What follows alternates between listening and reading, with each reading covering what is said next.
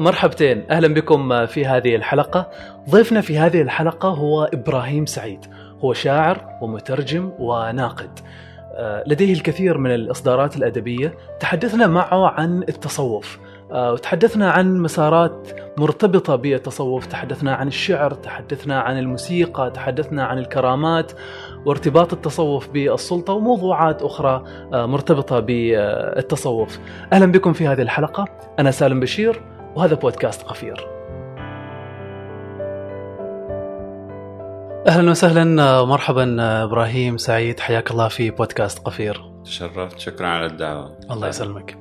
شاعر وناقد آه، من التراث لتحقيق المخطوطات إلى الكتابة حول الكتب الحديثة. إيش السر وراء هذا الشغف؟ والله ما كان يعني أي شغف قصدك الكتابة مثلا؟ يعني في كل هذه المسارات.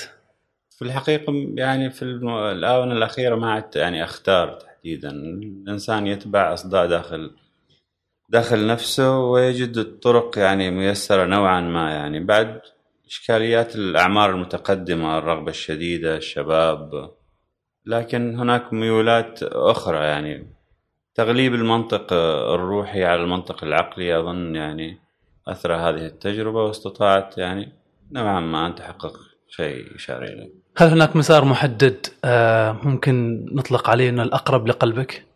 والله هو هذه عدم الاختيار يعني استقبال ما تأتي به الحياة، الحياة ثرية بما يكفي إلى درجة أنك يعني الاختيار محير فيها. فمن الأفضل استقبال ما تأتي به الحياة والتعامل مع هذه المعطيات أن يكون لديك قدرة على استقبال كل ما يأتي والتعامل المباشر معه. أيضا عدم آه، إطاعة الانصات إلى الروح إطاعة هذا الشعور الداخلي إلى الحدس الإنصات إليه جيدا الاستماع إلى صوت الإنسان كان كارل يونغ في كتابه آه، سر آه، في كتاب مؤخر لا أذكر عنوانه. ترجم مؤخرا ربما من عدة سنين. الكتاب الأحمر لا أذكر. في الحقيقة يتحدث يقول كارل يونغ في نهاية حياته اكتشفت أنني لم أتحدث مع روحي. اكتشفت أن كل ما كنت أظنه روحي كان شيء معطى لي سلفا من المجتمع. والبيئة وأنني في الحقيقة والواقع لم أتحدث حقيقة ولا أعرف صوت الروح صوت روحي الشخصي. أنا أظن من مثل هذه تتحدد المسارات من مثل هذه الاتجاهات البسيطة يعني داخل الإنسان. لطيف لطيف. حديثنا اليوم يعني بودنا نتحدث معك عن التصوف. كل ما نتحدث عن التصوف أول شيء يطرى على بالنا هو الموسيقى. آه، الأغاني نوع معين من المدائح. ومؤخرا صارت هناك مهرجانات عندنا في عمان تقدم نفسها على أنها موسيقى صوفية. إيش سر هذه العلاقة؟ علاقة التصوف بالموسيقى وليش أصبحت منحصرة إلى هذا الحد؟ طبعا العلاقة ليست الموسيقى أحد أشكال أحد أشكال هذا التعاطي. آه، موسيقى مؤخرا لربما روجت يعني لهذا لهذا التوجه المعطى لكن القصة أقدم بكثير من من قصة فقط أن نحصرها في الموسيقى. مؤخرا لربما لاحظت سالم معي إنه يعني أصبحت المسألة مسألة يعني بين قوسين فلاقل موضة نوعا ما. صار الحديث روايات موسيقى إلى آخره. لكن المسألة ليست موضة يعني عابرة. شاه يعني شهدت مثلا أوروبا بعد الحرب العالمية الثانية موجه تدين بحث عن حلول ما بعد انهيارات المجتمعات والمصائب الحقيقية التي وقعت يعني. جراء البحث عن القوة. وهناك روايات مثلا هرمان هسة في رحلة الرحلة إلى الشرق رواية جميلة جدا تحكي عن هذا الشوق والتوق. وأيضا أنتجت تلك المرحلة مرحلة بعض المستشرقين المهمين في تاريخ الاستشراق الإسلامي مثل يعنون بالتصوف مثل آنا ماري شيمل ودراسات غيرها. طيب تستمع إلى شيء معين في الموسيقى لما تكون مرتبطة بالصوفية ولا ولا ما تستمع؟ والله أحب لا بالعكس يعني أحب أسمع كثير. أسمع جاهدة وهبة مثلا بعض الأغاني التي أدتها وهي جميلة جدا ومع التشكيلة. مصطفى سعيد مثلا يبهرني وأعتبره يعني بالحقيقة يعني قامة وثروة فنية يعني طاقة عالية جدا. وأتمنى فعلا أن يستضاف في الأوبرا السلطانية في عمان يعني سيكون إضافة للأوبرا نفسها. وآخرين لا تحضرني أسمائهم لكني أعتبر نفسي مستمع نوعا ما معقول يعني للموسيقى بأشكالها المختلفة عموما يعني الموسيقى بوصفها غذاء روحي للإنسان وفعلا تعطيه من الطاقات الكثير يعني ما لا تعبر عنه الكلمات. وأيضا خصيصا أيضا الموسيقى. موسيقى التصوف رغم إنه يعني هناك طبعا تجارب عديدة جدا من المغرب إلى المشرق إلى إلى هنا في عمان مؤخرا مثل ما أشرت. آه، لكني لا أرى أنها تأسست يعني. الموسيقى نفسها كل المشروع الموسيقي لدينا لا يزال متأثر أظن في عمان نوعا ما. الأمل في الأجيال القادمة هناك تجارب يعني جديدة يعني تعد تعد فعلا بمستقبل مبهر الموسيقي. قرأت مرة من المرات أنه الموسيقى العربية بشكلها الحالي مدينة لموسيقى التصوف. هل هل في اعتقادك هذا؟ في الحقيقة المشروع الموسيقى يعني طبعا الموسيقى العربية هي مثل أي موسيقى أخرى نشأت يعني من أدوات بسيطة. لها تقدم عندنا يعني أسماء مهمة مثل زرياب وما حققه. الفترة الأموية إسحاق الموصلي وآخرين. كتاب مهم مثل كتاب الأغاني الأصفهاني وكل تلك يعني المسرد الرائع يعني للمغنين وحياتهم وقصصهم. كل هذه يعني أثرت وحتى في حكاية جميلة تحكى عن عن الفارابي الفيلسوف أنه كان أيضا عازف عود وكان في في جلسة مع مع مجموعة فقال فقال لهم أعزف لكم هذه المعزوفة. فعزف فانتبه الجميع ورقصوا. ثم عزف أخرى فناموا. فهو آه تعبير عن التأثير الموسيقي. لكن في كل الأحوال في في في عصور السلم في عصور آه الهدوء السكينة يعني مثل هذه آه، الإبداعات الموسيقى وغيرها تترعرع وتنشأ.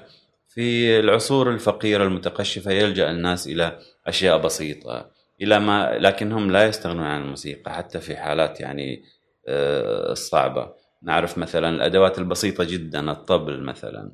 هذه الفنون الشعبية معنا في عمان مثلا معتمدة بشكل كبير جدا على الإيقاع فقط والصوت. مم. هناك فقط آلتان هي صوت الإنسان والإيقاع. آه، وأثروا أثروا بها يعني الكثير وغنوا أشعارهم وأشواقهم. الموسيقى فعلا هي مسرح تعبيري رائع للإنسان ويعني يجد فيها ذاته ولا يستطيع أظن الاستغناء عنها. لطيف لطيف. طيب الآن خلينا نعود إلى الوراء خطوتين. كيف ممكن نعرف التصوف أساسا؟ طبعا إذا ذهبت الآن أصبحت المسألة سهلة جدا أي بحث؟ نفس السؤال هذا ممكن تضع على جوجل وتطلع لك خيارات. من الإجابات عن عبر مواقع ويكيبيديا وإلى آخره. هناك يعني طبعا المسألة بالنسبة للباحثين يعني فيما قرأت أنهم المسألة متشعبة جدا. هناك من يعيد حتى التصوف إلى الثيوصوفية وهي يعني من اللاتينية وتعني محب الحكمة ويربط علاقة بين التصوف والفلسفة. لكن في كل الأحوال أظن إذا يعني لأغراض التجريد نستطيع أن نقول أن التصوف يعني أنه هو المحبة الإلهية والعشق الإلهي باختصار. وهو يعني سلوك آه، سري في معظمه. يعني هو سلوك بين العبد وربه. آه، ما يظهر ليس يعني ما يظهر على المتصوف ليس غرض المتصوف. الظهور ليس أحد أهداف التصوف أصلا يعني. بالعكس. آه، أيضا هناك إشكالية أخرى تتعلق بالتصوف. يعني نحن نتحدث عن ظاهرة إنسانية عن توق روحي موجود يعني مع أديان سبقت حتى الأديان الثلاث التوحيدية. وحتى في الأديان الثلاث التوحيدية هناك قصص. في المسيحية هناك تراث طويل جدا وشخصيات معروفة يعني بأسمائها وقصص كثيرة جدا. وعيسى أيضا حاضر في ومريم حاضران حتى في التصوف الإسلامي من خلال القصص واستعادتها. أيضا لدينا في التصوف الإسلامي يعني مرحلة مراحل مراحل تاريخية عديدة يعني تبدأ حتى من عهد الرسول نفسه. آه، مثلا هناك شخصية يمنية لا يذكرني الاسم ذكرت أويس. نعم أويس. هذه الشخصية ذكرت للرسول يعني وقيل أنه يعني في الروايات فيما بعد أن الرسول تمنى أن يرى يعني هذا الرجل لكن لم يحدث. وأيضا المسألة طويلة جدا. مسألة لماذا؟ باختصار لأنك أنت تحكي عن المحبة الإلهية الموجودة أينما ذهبت يعني في كل الديانات. هي موجودة. آه، التراث الأقدم من كذا الهندي لديه أيضا كثير من من من من المقولات والشخصيات المعروفة بهذا المسلك. أغلب الأنبياء لهم جانب آه، في هذا في هذه المحبة. آه، البوذية أيضا موجود لديها الكونفوشيوسيه الطاوية مثلا شهيرة جدا. وهناك تلاقي طويل وعريض يعني بين كل هذه التجارب. لماذا؟ لأن الصدور هو من الإنسان والاتجاه بقلب الإنسان إلى خالقه م. إلى هذا المكون العظيم. فتجد أصداءها في كل مكان ولا تزال ولا يزال. هذا يعني آه، مسألة طبيعية جدا إحدى الظواهر البشرية أصلا هذا. إيش عن الخلاص الديني كما عرفها أدونيس؟ إيش يقول ادونيس؟ ادونيس يعرف يعرف تصوف بأنه يعني شكل من أشكال الخلاص الديني. والله لا أعرف ماذا يشير تحديدا ادونيس يعني بحديث عن الخلاص الديني. لكن أظن التصوف هو تجربة يعني آه، كل ثقافة أو كل دين من الديانات هذه يعني أضافت إلى تجربة التصوف. الآن لا ننسى أننا نحن يعني أبناء يعني أبناء عصورنا. لا ننسى أننا يعني في القرن الحادي والعشرين مرت يعني كل هذه المعطيات لا يمكن يعني إخراجها من من من من التجربة هذه. والله يعني لم يمت آه، لا زال حاضر يعني وموجود وأبدي.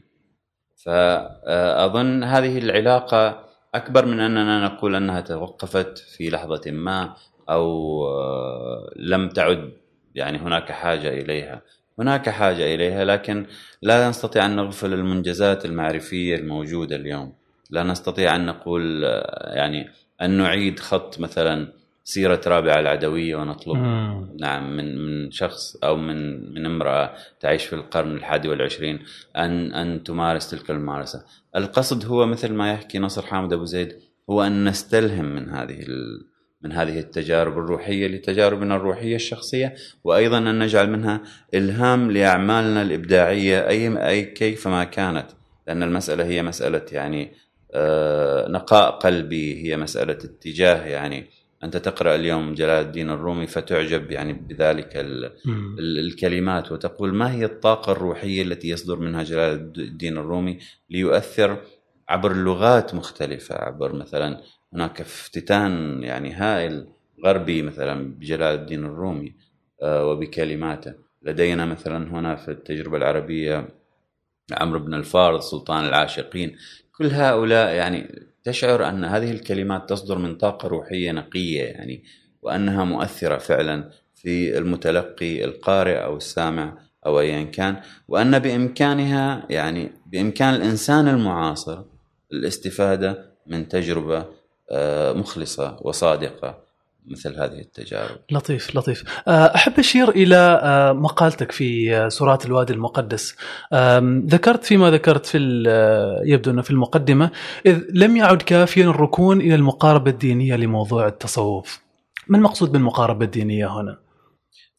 القصد أنه يعني حصر لأن الأديان عادة لدينا ولا تزال تحصر أو تحتكر الحقيقة نوعا ما. آه، كل ديانة من الديانات تقول أنها هي الطريق الوحيد.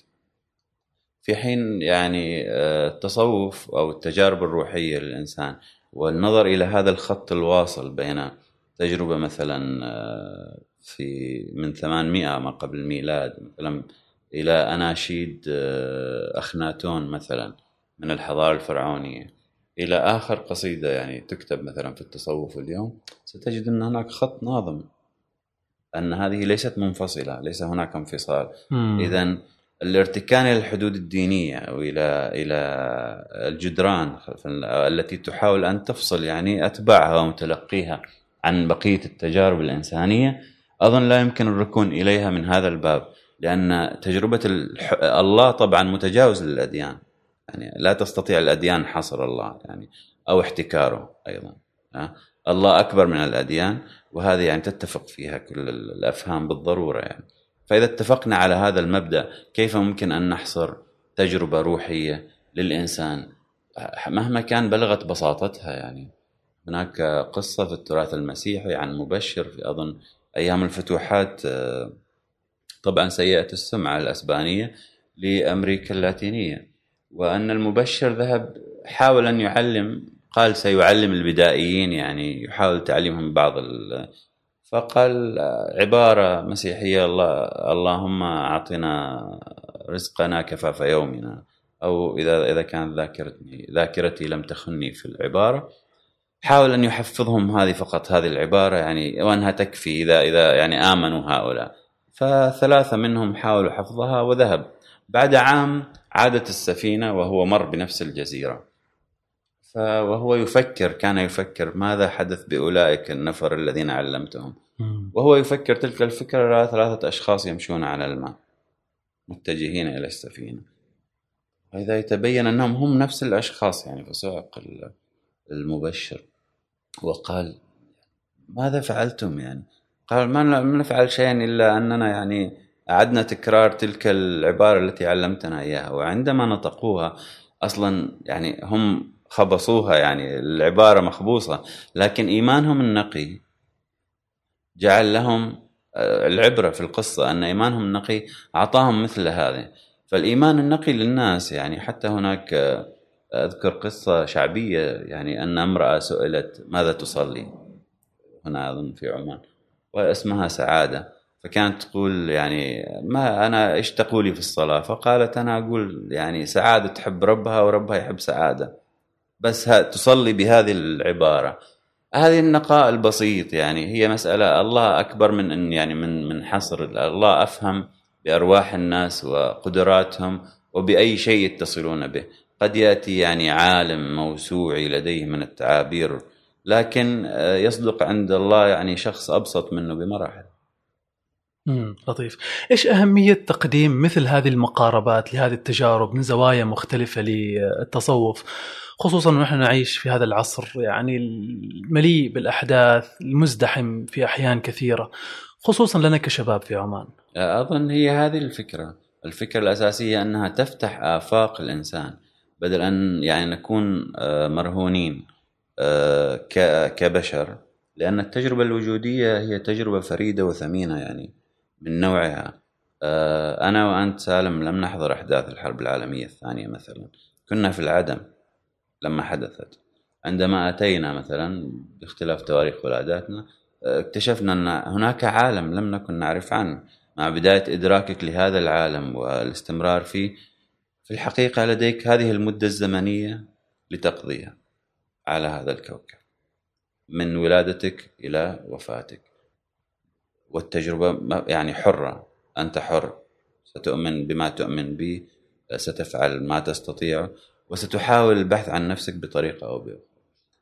لماذا مثلا آه، نضع هذا الفرد المولود مثلا اليوم في عصر مفتوح عصر يعني آه، تتقدم فيه الأشياء لديه تجارب مختلفة. هناك طبعا محاولات سيطرة وتحكم من كل جهة لكن الإنسان يحاول أن ينجو بجوهرة حياته هذه ويضعها في مسار آه، مريح نفسيا لي.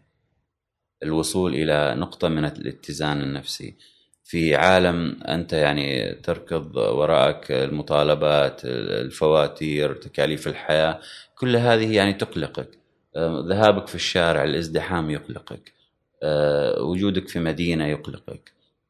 يعني كل هذه الأشياء هناك الكثير من القلق محيط بالإنسان المعاصر وهذا ليس غريب هذه إحدى شخصيات الإنسان المعاصر وهو يحاول التخلص منه العودة إلى الله الروحية إلى الله.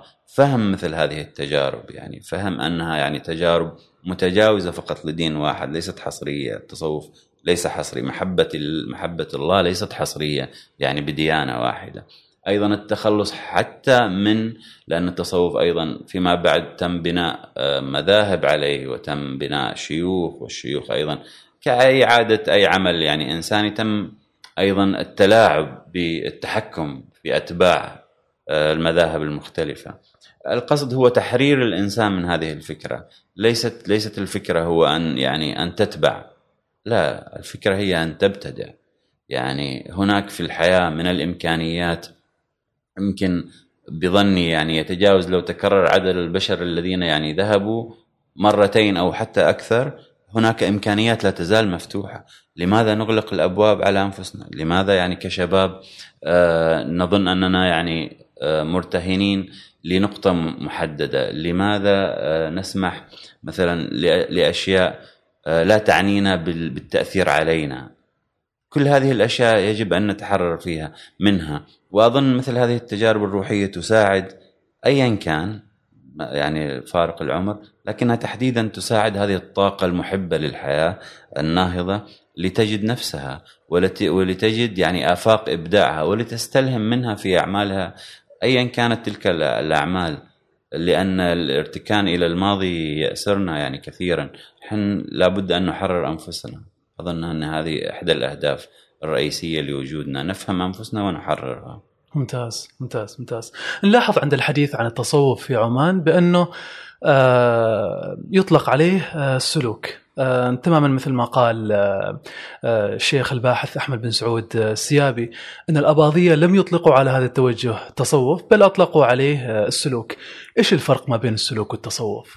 في الحقيقة السلوك هو أحد يعني مذاهب التصوف يعني هو مشمول داخل التصوف ولكن هذه الفكرة مع الباحثين المتأخرين وكان يعني أيضا باحث عراقي هو من من يعني ابتدأ أظن في الأمر يرفضها الباحثون المعاصرون عندنا اليوم ويقولون أن مثلا آه، شخصيات التصوف لم تفرق لم تسمي الإباضية أقصد تحديدا لم يسموا أنفسهم سالكين لم يختاروا هذه وإنما يعني تحدثوا عن التصوف بشمول بشمول التجربة. آه، إذا هذه يعني تسمية لاحقة للتمييز وأظن يعني عندما تكون يعني أمام موقف إلهي يعني أي حاجة إلى التمييز تكون يعني أنت أمام يعني خالق الكون كله يعني. ما تصبح هناك حاجة لل يعني فما ما الذي تميز بالضبط يعني؟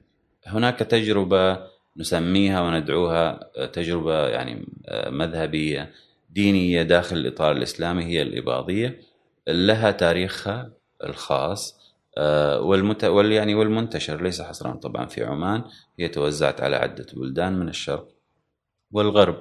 آه، البحث عن تميز نعم آه، الآن لاحق وإضفاء يعني تميز ما هناك تجربة ثقافة أنتجت بظروفها الاجتماعية المختلفة أنتجت نفسها هو خيار لكنه الآن ليس ملزم. لماذا نبحث عن تمييز في مثل هذه يعني الأشياء؟ لماذا دائما نحن هل لدينا يعني عقدة تمييز مثلا في ثقافتنا مم. لنبحث دائما عن التمييز آه، أو ما المشكلة بالضبط أظن هذه مسألة تحتاج إلى تفكيك أكثر نلاحظ أحيانا فعلا بالإشارة إلى حديثك نلاحظ أنه هناك آه، محاولة في آه، استقلال السلوك عن التصوف مع أنه دائما لما يذكر السلوك يكون دائما ملحق به ذكر ذكر التصوف لا تعتقد؟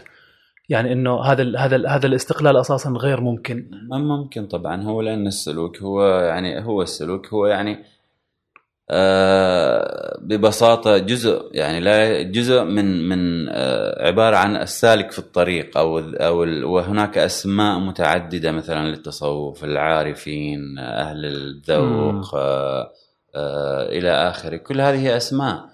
لكن لا غير معنيين نحن بالأسماء. يبقى الجوهر أيوه يعني. نحن معنيين بال بالمعنى والمغزى من من وراء هذه هذه هذه الأسماء كلها. هي محاولة توصيل لا أكثر. بالإشارة إلى الأسماء لا تعتقد إنه إحنا كعمانيين عندنا كذا معجمنا الخاص يعني مثلا في كورونا كانت كل الناس تتحدث عن آه، الحظر آه، حظر التجوال كنا إحنا نتحدث عن منع الحركة. مم. لا تعتقد انه كعمانيين دائما كذا يكون عندنا معجمنا الخاص؟ هو كل مجتمع طبعا يعني يطلق شفراته الخاصة يعني. وهذا كلام سيميائي طويل يعني يطول فيه الحديث لكن أظن كل مجتمع يطلق شفرات المتعارف عليها. مثلا الآن لدى الشباب أكيد بعض الشفرات آه، المجموعة التي يعني تسهر معها وأنا اللي أسهر معها لدينا شفرات مبنية من تجاربنا الخاصة. تلك الشفرات متداول داخل هذه الدائرة. أيضا المجتمع من الأحداث التي يعني تمر عليه يتبنى بعض بعض العبارات وتكون يعني دارجة معه ولها معنى خاص. يعني مسألة طبيعية لكنها ليست تمييزا. يعني ليست ميزة عمانية. لدينا ميزة في المكان الجغرافيا يعني مؤثر يعني كبير آه، على شخصياتنا. آه، لدينا كل هذا التاريخ أيضا مؤثر. نحن الآن أظن في زمن علينا أن يعني أن نحلل كل ما حدث أو أن نفهم أنفسنا بشكل جيد وهذه يعني مهمة باحثين. أن يعني يحللوا آه، ما حدث تاريخيا وأيضا نفسيا وما مدى تأثيرات كل هذا على الفرد المعاصر أو المستقبلي. لكن مع التركيز على فتح الآفاق وعدم اغلاقها لطيف لطيف. عند الحديث عن التصوف آه، في عمان آه، الباب الأمثل للدخول إلى هذا العالم يبدو إنه الشعر. تماما مثل ما فعلت في في كتاب سرات الوادي المقدس لما تحدثت عن قصيدة المعراج. إيش علاقة التصوف بالشعر؟ أه، أظن الشعر طبعا هو يعني أه، هو أداة تعبيرية طبعا لغوية راقية أه، قديمة جدا أقدم يعني طبعا من من اللغة العربية نفسها موجود يعني منذ قرون. فيبدو أنه يستوعب قدرة يستوعب مثل هذه المشاعر. يعني هي وسيلة تعبيرية مثلها فنية للتعبير. مثلها وهي الأقرب إلى يعني والأبسط استخداما. يعني أنت تتحدث هناك أيضا آه، حتى العامية لديها يعني شعرها. وذاك الشعر أيضا فيه بعض اللمحات من التصوف ولدينا بعض بعض الشعراء المعروفين يعني بالمناجات آه، منهم الشاعر المطوع مثلا. آه، لديه مناجات بالشعر الشعبي. كل تلك يعني آه، مؤشرات تدل أن الشعر قادر على استيعاب هذه التجربة وفعلا هذا ما حدث. يعني كبار المتصوفة آه، لديهم تجارب شعرية آه، أغلبهم تقريبا يعني قال الشعر ابن عربي لقد صار قلبي ماذا يقول؟ قابلا كل وجهة فدير لرهبان ومرعا لغزلان أدين بدين الحب أنها توجهت ركائبه فالحب ديني وإيماني. آه، وأيضا رابع العدوية آه، في قولها كأسي وخمري والنديم ثلاثة وأنا المشوقة بالمحبة رابعة. آه، جلال الدين الرومي وقصائد عمرو بن الفارض أيضا وقصائده شربنا على ذكر الحبيب مدامة سكرنا بها من قبل أن يخلق الكرم. إلى آخره أغلب المتصوفة يبدو أنهم وجدوا في الشعر يعني القدرة على التعبير عن عن مثل هذه الأشواق والمحبة. ماذا عن الشعر الصوفي في عمان؟ آه، أظن يعني طبعا تجربة التصوف في عمان نحن يعني لكي يعني نكون منصفين. هناك لدينا التجربة الشعبية على ساحل الباطنة آه، مثلا وهذه ممارسة لكن هذه الممارسة مستمرة لأجيال. وهي جزء من يعني الموقع الفريد لنا يعني في عمان. هذه يعني أثرت عمان بما هي متك... يعني مكون متنوع آه، فيه أعراق متنوعة. وأيضا هي معبر أيضا عن الثقافة العربية واستقبالها ل... ل... لجيرانها وأيضا لأعراق مختلفة وعدم النبذ معنا. أيضا آه، وانتشارها. في الأدب مثلا هناك لدينا طبعا الأسماء المعروفة لدينا الشيخ جعد بن خميس الخروصي ولديه طبعا ديوان نفائس العقيان ولدينا أيضا تجربة آه، ناصر بن جعد آه، ابنه. آه، هناك أيضا تجربة أقدم من من من من الشيخ جعد لكنها ليست واضحة الملامح مثل تجربة الشيخ جعد وهي تجربة متأخرة طبعا. يعني نتحدث عن القرن السابع عشر. أو الثامن عشر. أيضا طبعا آه، هو يعني نقل إلى ابنائه الاثنين خميس بن جاعد وناصر بن جاعد. إيش هي التجربة اللي سبقت آه، شيخ جاعد؟ هناك تجربة لست أذكر الشاعر الآن آه، لكنه يعني شاعر عماني أقدم أقدم منهما. يبدو أنه تعرف على تجربة التصوف في أثناء رحلاته إلى الحج وأنشد بعض بعض القصائد. للأسف لا يحضرني اسم اسم اسم الشاعر. لكنها يشار إليها بأنها تجربة يعني آه، الأقدم بين التجارب العمانية في الأدب وفي التدوين. طبعا آه، متأخرة جاءت تجربة الشيخ جاعد بن خميس. الشيخ جاعد بن خميس تقريبا من عصر سعيد بن أحمد المساعيد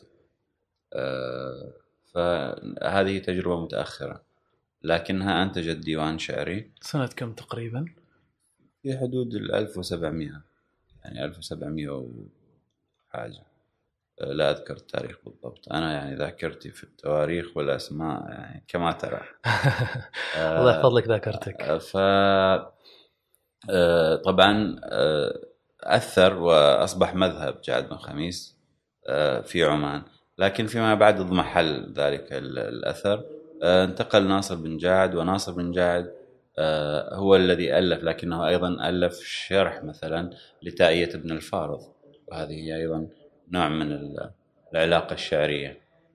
وأظن لديه يعني منظومات لكن لم تصل إلى إلى ديوان. آه، لديه منظومات بالتأكيد الشيخ ناصر بن جاعد وانتقل طبعا إلى أن توفي في زنجبار. آه، تلميذه كان سعيد بن خلفان الخليلي والذي لديه ديوان طبعا والديوان أيضا ينضح بتوجهات الصوفية. فكل هؤلاء وجدوا يعني هذا التعبير. لكن هل آه، تحولت هذه التجربة معنا إلى مثلا ممارسات؟ إلى ممارسة أو مذهب؟ أظن كانت يعني ضئيلة التأثير يعني. وطبعا لم لم لم يستمر بها الحال. وكانت لكننا لا ننسى مثلا آه، تجارب مثل آه، مساجد العباد. لدينا مساجد العباد. مثل ما أقول لك التجربة تتجاوز التسمية. تجربة إنسانية ظاهرة موجودة. عباد يعني يخرجون من من من مدن أو القرى وينتبذون في جبل فقط للتعبد يعني أو لل للانشغال بالله وحده يعني وللخلوص من الخلاص من من كل يعني العلائق الدنيوية والتوجه الإلهي. هذه هذه مشاعر موجودة وقديمة جدا يعني في الإنسان نفسه. ممتاز. بعيدا عن التصوف وخلينا ما زلنا في الشعر. هل تشوف الشعر العماني يعكس آه، تمثلات علاقتنا بالعالم وعلاقتنا بالأشياء من حولنا؟ إحنا كعمانيين. المعاصر تقصد؟ المعاصر نعم. نعم طبعا. يعني التجارب طبعا إذا يعني تحدثنا أنا أظن التجربة يظهر هذا في قصائد النثر أكثر من من قصائد النظم. بسبب طبيعة القصيده نفسها لكن إذا رجعت مثلا آه، لشعرائنا الأسماء المعروفة سيف الرحبي مثلا تجد آه، تشظيه آه، في المنافي فترة ما يعني. موجود داخل دواوينه شعوره بالاغتراب موجود داخل دواوينه. شعر مثل سماع عيسى. ستجد تجربته الصوفية يعني بين قوسين الخاصة علاقته يعني مثلا بالموت وكيف يصور لك يعني آه، رهبة الإنسان أو كيف كيف التعاطي مع مع حدث مهم جدا في حياتنا مثل حدث الموت والفراق. آه، هذه يعني تجارب آه، مشهودة وموجودة. الحب مثلا العاطفة وبشكل معاصر موجودة مثلا مع عبد الله حبيب صالح العامري قصائد لديه قصائد حتى عن عن عن ركوب الدراجة الهوائية مثلا. محمد الحارثي يكتب لك قصيدة وكان يحبها كثيرا اسمها سيرة ميكانيكي فاشل بداية الستينات. تحكي عن آه، ميكانيكي شامي كان موجود في في الجردة في دمى والطائين على الطريق المؤدي إلى إلى الشرقية. آه، هذا التعاطي موجود عبد الله الريامي أيضا له أشعار يعني لها علاقة بعلاقتنا المعاصرة بحياتنا أكثر من من لكن كل تجربة طبعا مفارقة عن أي تجربة أخرى. لكني أزعم أنها ليست يعني هي فيها أصداء التجربة المعاشة ليست يعني متخيلة أو هي فقط واجهة مزيفة غير صادقة للإنسان. والشاعر أنت تذهب إلى الشاعر من أجل أن تجد الصدق آه، لا أي شيء آخر. يعني إذا إذا شاعرك يكذب فهناك مشكلة حقيقية. يعني إذا جينا بعد خمسين سنة وقرأنا لهؤلاء الشعراء ممكن أنه نجد منظور حقيقي لحياة العماني في هذه الفترة. آه، طبعا هم الشعر غير معني طبعا بالتاريخ. يعني الشعر غير معني بتاريخ أي مرحلة. مش تاريخيا ولكن كمنظور يعني. أيوه لكن ستجد في في يعني في دواوينهم الشعرية. طبعا حتى لو بعد 100 سنة ستجد أشواق الإنسان متجلية. آه، تصادماته رغباته آه، رغبة انعتاقه هذه موجودة. وهذه يحمل الشعر. الشعر هو الحارس على على مشاعرنا على عواطفنا آه، وهو موجود لديك الآن سجل يعني ضخم من من آلاف آلاف السنين. محفوظ داخل الشعر. لطيف لطيف. خلينا نرجع إلى التصوف. إيش علاقة التصوف آه، بالسلطة؟ وليش الحديث عن هذا الموضوع هو مثير للجدل وفي نوعا ما يعني موضوع حساس؟ في الحقيقة أي تماس يعني السلطة محك من محكات السلطة يعني القوة. كل نظرياتي هذه التي قلت فيها تبقى مجرد تفوه لكن في اللحظة التي يكون لدي فيها أي نوع من القوة مالية كانت مالية كانت أو أو سياسية أو أي نوع من القوة أو وجاهة اجتماعية هناك المحك. هناك فعلا سيبدو كل هذا الكلام هل هو يعني يتحول إلى إلى إلى فعل أم لا أم هو فقط في إطار التنظير لذلك كان السؤال آه، عن العلاقة بين التصوف والسلطة أظنه هو المحك لكل نظريات آه، التصوف والبعد عن عن الحياة والاتجاه إلى الله كيف؟ يعني بمعنى إذا كنت أنت متجه إلى الله ماذا ستفعل؟ هل هل تريد من توجهك إلى الله غنيمة دنيوية؟ هل تريد سلطة مثلا مركز اجتماعي؟ هل تريد ثروة مالية يعني طائلة؟ آه، وهذا طبعا ينافي التصوف لأن التصوف هو الاتجاه لله وحده ونسيان الذات كلية أنت لا تعود تذكر من أنت أصلا في التصوف في المحبة الإلهية أنت تحاول أن تتحد يعني بتجلي عظيم جدا ندعوه الله يعني فما بال رغباتك الدنيوية يعني ملاحقة لك. فإذا إذا وصلت مثلا لعلاقتك مع السلطة فهناك يحدث كشف. ماذا ستفعل عندما تكون في السلطة؟ آه، أي نوع من من السلوك ستسلك؟ سلوك قهري ظلم. هل ستؤثر عليك؟ هل أنت أمام يعني الله هو سلطة السلطات كلها فما بالك بالسلطة الدنيوية يعني في اختبار بسيط وصغير؟ مثل هذه. هذه فكرة ورقة التصوف والسلطة يعني باختصار الأمر. طبعا مع وضع يعني آه، الظروف الزمنية التي كانت محيطة بتلك الشخصيات آنذاك يعني آه، في الحسبان. ممتاز جدا. لطالما ارتبط التصوف بالكرامات خصوصا هنا عندنا في عمان إيش هي الكرامات عند المتصوفة؟ طبعا هي خرق العادات. عموما يعني. أه، هناك من يؤمن بها يعني وهناك من يعني لا يؤمن بإمكانية مثلها. ومثلا هناك قصة يذكرها ابن عربي عن أنه ذهب يعني في إحدى الخلوات مع مع آه، صاحب له. وكان الصاحب لا يؤمن بخرق العادات. ودخلوا إلى مسجد منتبذ يصلون فيه. آه، ومع دخولهم دخلت جماعة آه، فيهم رجل يقول يعني ابن عربي أن الخضر يعني يقول يقال أن ذلك الشخص هو الخضر وهناك شخص أعلى منه منزلة هو الذي صلى بنا. وبعد الصلاة يقول خرجت مع هذا يعني مع الرجل الذي صلى بنا نتحدث أنا وياه. ثم جاء الرجل ذاك الذي يدعى الخضر وفرش يعني حصيرة على ارتفاع في الهواء وقام يصلي في الهواء. فقلت يعني للإمام ماذا يفعل يعني هذا؟ ماذا يظن نفسه فاعلا؟ فقال لا أدري اذهب واسأل. فقال فذهبت له وسألته ماذا يعني تظن أنك فاعل يعني بهذه قال هذه من أجل صاحبك ذاك الذي ينكر خرق العوائد. يا إلهي فمثل هذه القصص. آه، طبعا مثل هذه القصص مثيرة شعبيا آه، يحدث فيها يعني نوع من القوى المفارقة طبعا للواقع يحدث آه، فيها تشنج أحيانا. يعني يستلذ الناس الاستماع إليها القدرة الخارقة لأنها أيضا تعبير عن رغبة الإنسان في التعرف إلى قواه. هل هناك قوى خفية أصلا أو ليست موجودة؟ طبعا هذا يعني تلاحظه حتى في الأعمال مثلا آه، المسلسلات السينمائيه أفلام. يعني موجود مثل هذه هذه الفكرة إنه الإنسان الخارق ومن من هنا جئنا إلى مثلا شخصيات مثل سوبرمان وباتمان وإلى آخره.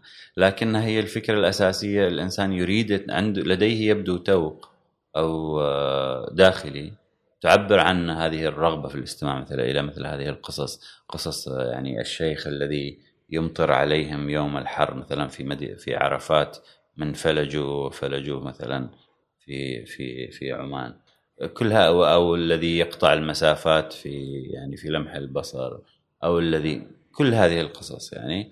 الانسان يبدو الإنسان الشعبي أو الإنسان بطبيعة الحال يعني عموما لديه توق وهذا يعبر لربما عن توقه إلى اكتشاف إلى أي درجة قواه؟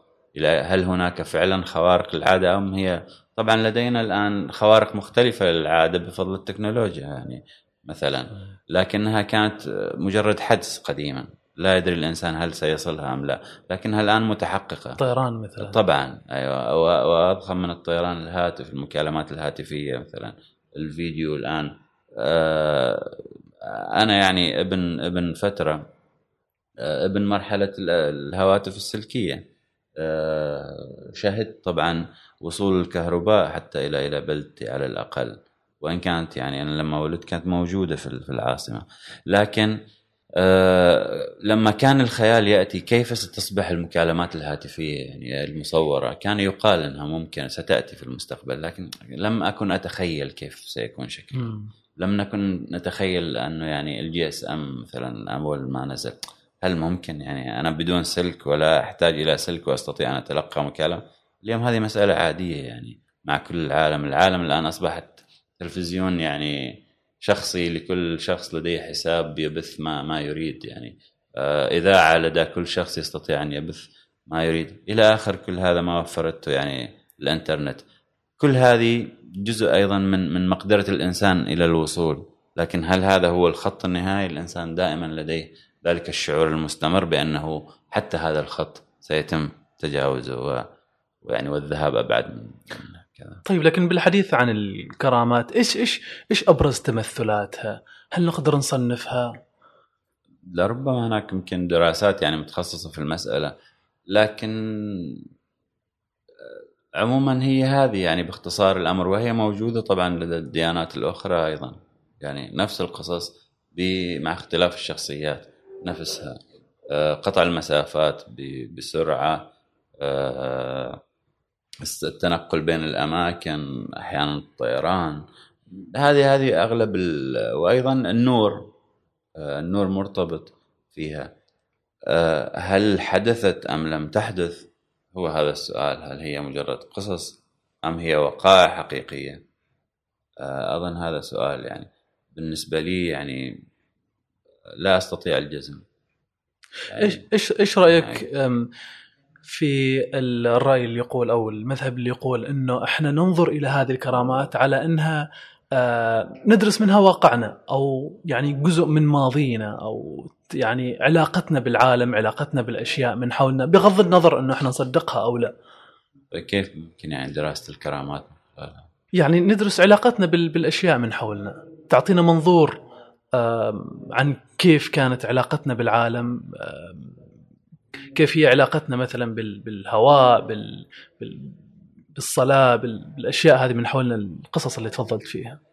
والله كل هذه ممكن يعني للباحثين النظر إليها يعني من هذا المنظور لكني يعني أراها قصص مثل القصص التي تشيع مثلا في آه، لحظات مثلا آه، الفقر والجهل مثلا. عن يعني قدرة استثنائية. لا تنسى أنك أنت تتحدث عن علم غيب. هذه يعني حفرة مظلمة. اليوم تقدر آه، بالمليارات الأموال التي تؤخذ من الناس عبر قصص من مثل محاولة شفاء أمراض مستعصية أو أو آه، حل مشكلات يعني لا حل لها. آه، كثيرين يستثمروا في مثل هذه وهناك يعني من المحتالين ما لا حصر لهم ولا عد. هذا سوق هائل يعني في العالم. ولكن هل علينا مثلا نقول للإنسان المعاصر هذا ممكن يعني وأنت أذهب في هذا السبيل؟ أظن من الصعب يعني على إنسان يعني لديه من التمييز ما يكفي. آه، لكن آه، ماذا تقول لإنسان لديه فعلا مشكلة؟ وغارق مثلا ألا يتمسك ولو بقشة؟ هي مسألة في النهاية اختيار شخصي. لكن بظني أن المشي في في في النور أفضل من المشي في الظلام لأن هذا طريق مظلم وقد لا ينتهي أبدا يعني. ومن الأفضل يعني آه، التعلق في أي مشكلة كانت هي هذه الذي يطرحه فكرة التصوف نفسها الاتجاه إلى يعني مدبر الكون وعدم الطلب آه، من هم دونه في حل أي مشكلة. وتقبل يعني ما يرزق به الإنسان من أيا كانت من أحداث أو أو أقدار بصدر أرحب. آه، والثقة أكثر بالله نفسه يعني. هذا هو الإيمان الحقيقي بالله وتوجيه القلب إلى الله. مثلا جلال الدين الرومي ينبهنا إلى مسألة عدم جعل العقل هو الملك. العقل مجرد وزير أما الملك فهو القلب. إذا القلب الذي عليه أن يتجه إلى الله. وهذا الوزير عليه أن مساعدة هذا الملك في في أعماله. أظن هذه الطريقة المثلى والأفضل للتعامل مع مشكلات قدرية من أي نوع كانت بدل اللجوء إلى يعني مدعي أحيانا وقد يكونوا صادقين أو أو أو, أو لا يكونوا لكنها مسار يعني من تجارب آخرين حقيقة أظنه مسار شائك لا يؤدي لا يفضي إلى لأنه الإيمان بالكرامات يؤدي فيك بالنهاية إلى الإيمان بأن هناك معجزة مثلا قد تحل مشكلة السرطان لديك مثلا أو قد يعني تنقذك مثلا من من ضائقة من ضائقة مالية أو من دين لا يمكن سداده. مثل هذه الأفكار تولد يعني بالتبعية. فإلى أي درجة تستطيع أن تقول أن هذا الكلام صحيح؟ وهو بظني يعني غير صحيح غير مثبت. آه، أنا أذكر كان آه، لدي عم يعني الله يرحمه. آه، كنت أسأل وأقول له يعني إذا كانت لدى العمانيين كل هذه القوى الخارقة يعني لماذا لم يستطيعوا تحرير بلادهم مثلا من من من القوى الغربية المهيمنة؟ البرتغاليين مروا فترة طويلة على هذه البلد وغلبوهم في البداية. طبعا فيما بعد تم التحرير. لكن فيما بعد عادت مثلا القوى البريطانية وسيطرت على على المحيط الهندي بأكمله وبارت التجارة العربية بوران يعني وتسبب تلك السيطرة البريطانية على الهند وعلى على الشرق تسببت في إفقار مناطق مثل الجزيرة العربية اقتصاديا لأنه لأنه الاتصالات انقطعت بين الشرق والغرب الذي نمثله يعني غرب آسيا فقط. فسبب تسبب في إفقار اقتصادي. يعني استعمار البريطاني للهند تسبب في إفقار اقتصادي لمنطقة الجزيرة العربية ككل. ولكن تلك تلك الخوارق والعادات لم تستطع تحرير مثلا من تلك القوى المتسلحة بالعلم. مثلا بماذا تسلحت يعني بريطانيا إلا باختراع المدفع أول في البدايات ثم ما تلا من كل آه، الثوره الصناعيه وإلى آخره. تحدثت عن القصص اللي تستخدم في الأفلام سوبرمان وغيرها وتحدثت عن الاستغلال خلينا نقول حاجة الناس وفقر الناس. ألا تعتقد إنه علينا أن نتجه الاتجاه الأول اللي هو يعيد سرد هذه هذا النوع من القصص ويعيد استثمارها واستغلالها وتقديمها للعالم بشكل مختلف بشكل حديث. طبعا أنا مؤمن مع إنه يعني الفنان له كل الحق طبعا ويجب يعني في مجتمعاتنا أن نعزز من احترام توجهات الفنية يعني للناس واستثمار ما لديهم من تراث وتاريخ لتقديمه بشكل معاصر آه، لهم وللأجيال آه، القادمة آه، هذا لا لا يتعارض مع كون يعني الفكرة الممارسة نفسها يعني. طبعا لكنها عملية تراكمية لدينا مثلا لابد المسألة يعني تأخذ لا أقول مراحل لكن أيضا هي آه، نحتاج اظن في عمان إلى أن نفك من يعني في أشياء في في كثير من من العقد آه، التي لم تفك إلى الآن يعني تركت آه، خوفا. مثل إيش؟ أظن نحتاج إلى تحرير أنفسنا من كثير من من من رواسب الماضي مثلا لدينا حرب 150 سنة حرب أهلية ندعوها حرب الهناوي والغافري هل نعتقد أن 150 سنة يعني حرب أهلية لم تؤثر في النفسية العمانية؟ إذا كانت أثرت في الجبال الآن أيضا أينما تمضي ترى أبراج المراقبة داخلية يعني القبائل كانت المتجاورة متصارعة وعلى امتداد يعني قرن ونصف. هل نعتقد هذا ما بعد انهيار طبعا الدولة الدولة اليعربية هل نعتقد أن هذا لم يؤثر في النفسية العمانية؟ آه، وغيرها من من من من المسائل. إلى أي درجة مثلا آه، العماني الثقافة العمانية مؤمنة بالتنوع والاختلاف؟ ما أشهده هو سيادة النمط. لدينا نمط واحد. العماني هو كيت وكيت وكيت. وهذا كلام يعني غير منطقي نهائيا يعني. العماني هو إنسان آه، ابن بيئته متنوع التاريخ لم يبدأ من 1970 فقط. نحن لدينا يعني تاريخ طويل جدا. تشارك مع كل الأجناس البشرية من حولنا. لدينا علاقة يعني ممتدة لقرون مع مع الهند والصين والى اخره آه، علاقة تفاعل وانتفاع نعم. لكنها علاقة. آه، نحن مقصرين طبعا في الشرق في الشق آه، الشرقي من من من جيراننا. من ناحية مثلا الأدب الترجمة. للأسف يعني نتعرف على آداب مثلا الهند عبر عبر لابد أن تمر بلندن ثم تأتي تأتي إلينا, تأتي إلينا. هذا تقصير في حين أنه هذه الهند. هذه يعني على بعد آه، مسافة بسيطة جدا. يعني كل هذا تقصير ثقافي. آه، البنيان الثقافي يتم عبر تحرير عقد من هذه وأشباهها. زين؟ آه، هل مثلا تفاهمنا مع مثلا مع ماضي العبودية معنا أم لا؟ هل حلينا مشاكل مثلا المرأة إلى اليوم لديها مشاكل في الحضور؟ زين؟ وهناك مثلا أصوات تطالب بحقوق أكثر وتمكين أكثر للمرأة. هل هذا يعني تم أم لا؟ هل هنا في الثقافة نفسها نتحدث بغض النظر عن القرارات السلطوية الثقافة نفسها ك... نعم كناظم والثقافة مسؤولية من إن لم تكن مسؤولية المثقفين باختلاف أطيافهم سواء كان ليس فقط المثقف الحديث أو التقليد كلهم مسؤولين. كل صاحب صوت وقلم ومعرفة هو مسؤول عن عن صنع الثقافة والرأي العام. ماذا نتحدث مثلا اليوم عن اليوم معنا يعني مجتمع يفتي في في الشاردة والواردة من يعلم ومن لا يعلم. هل هذه ظاهرة صحية مثلا؟ ام ام أم هي انتكاسة مثلا؟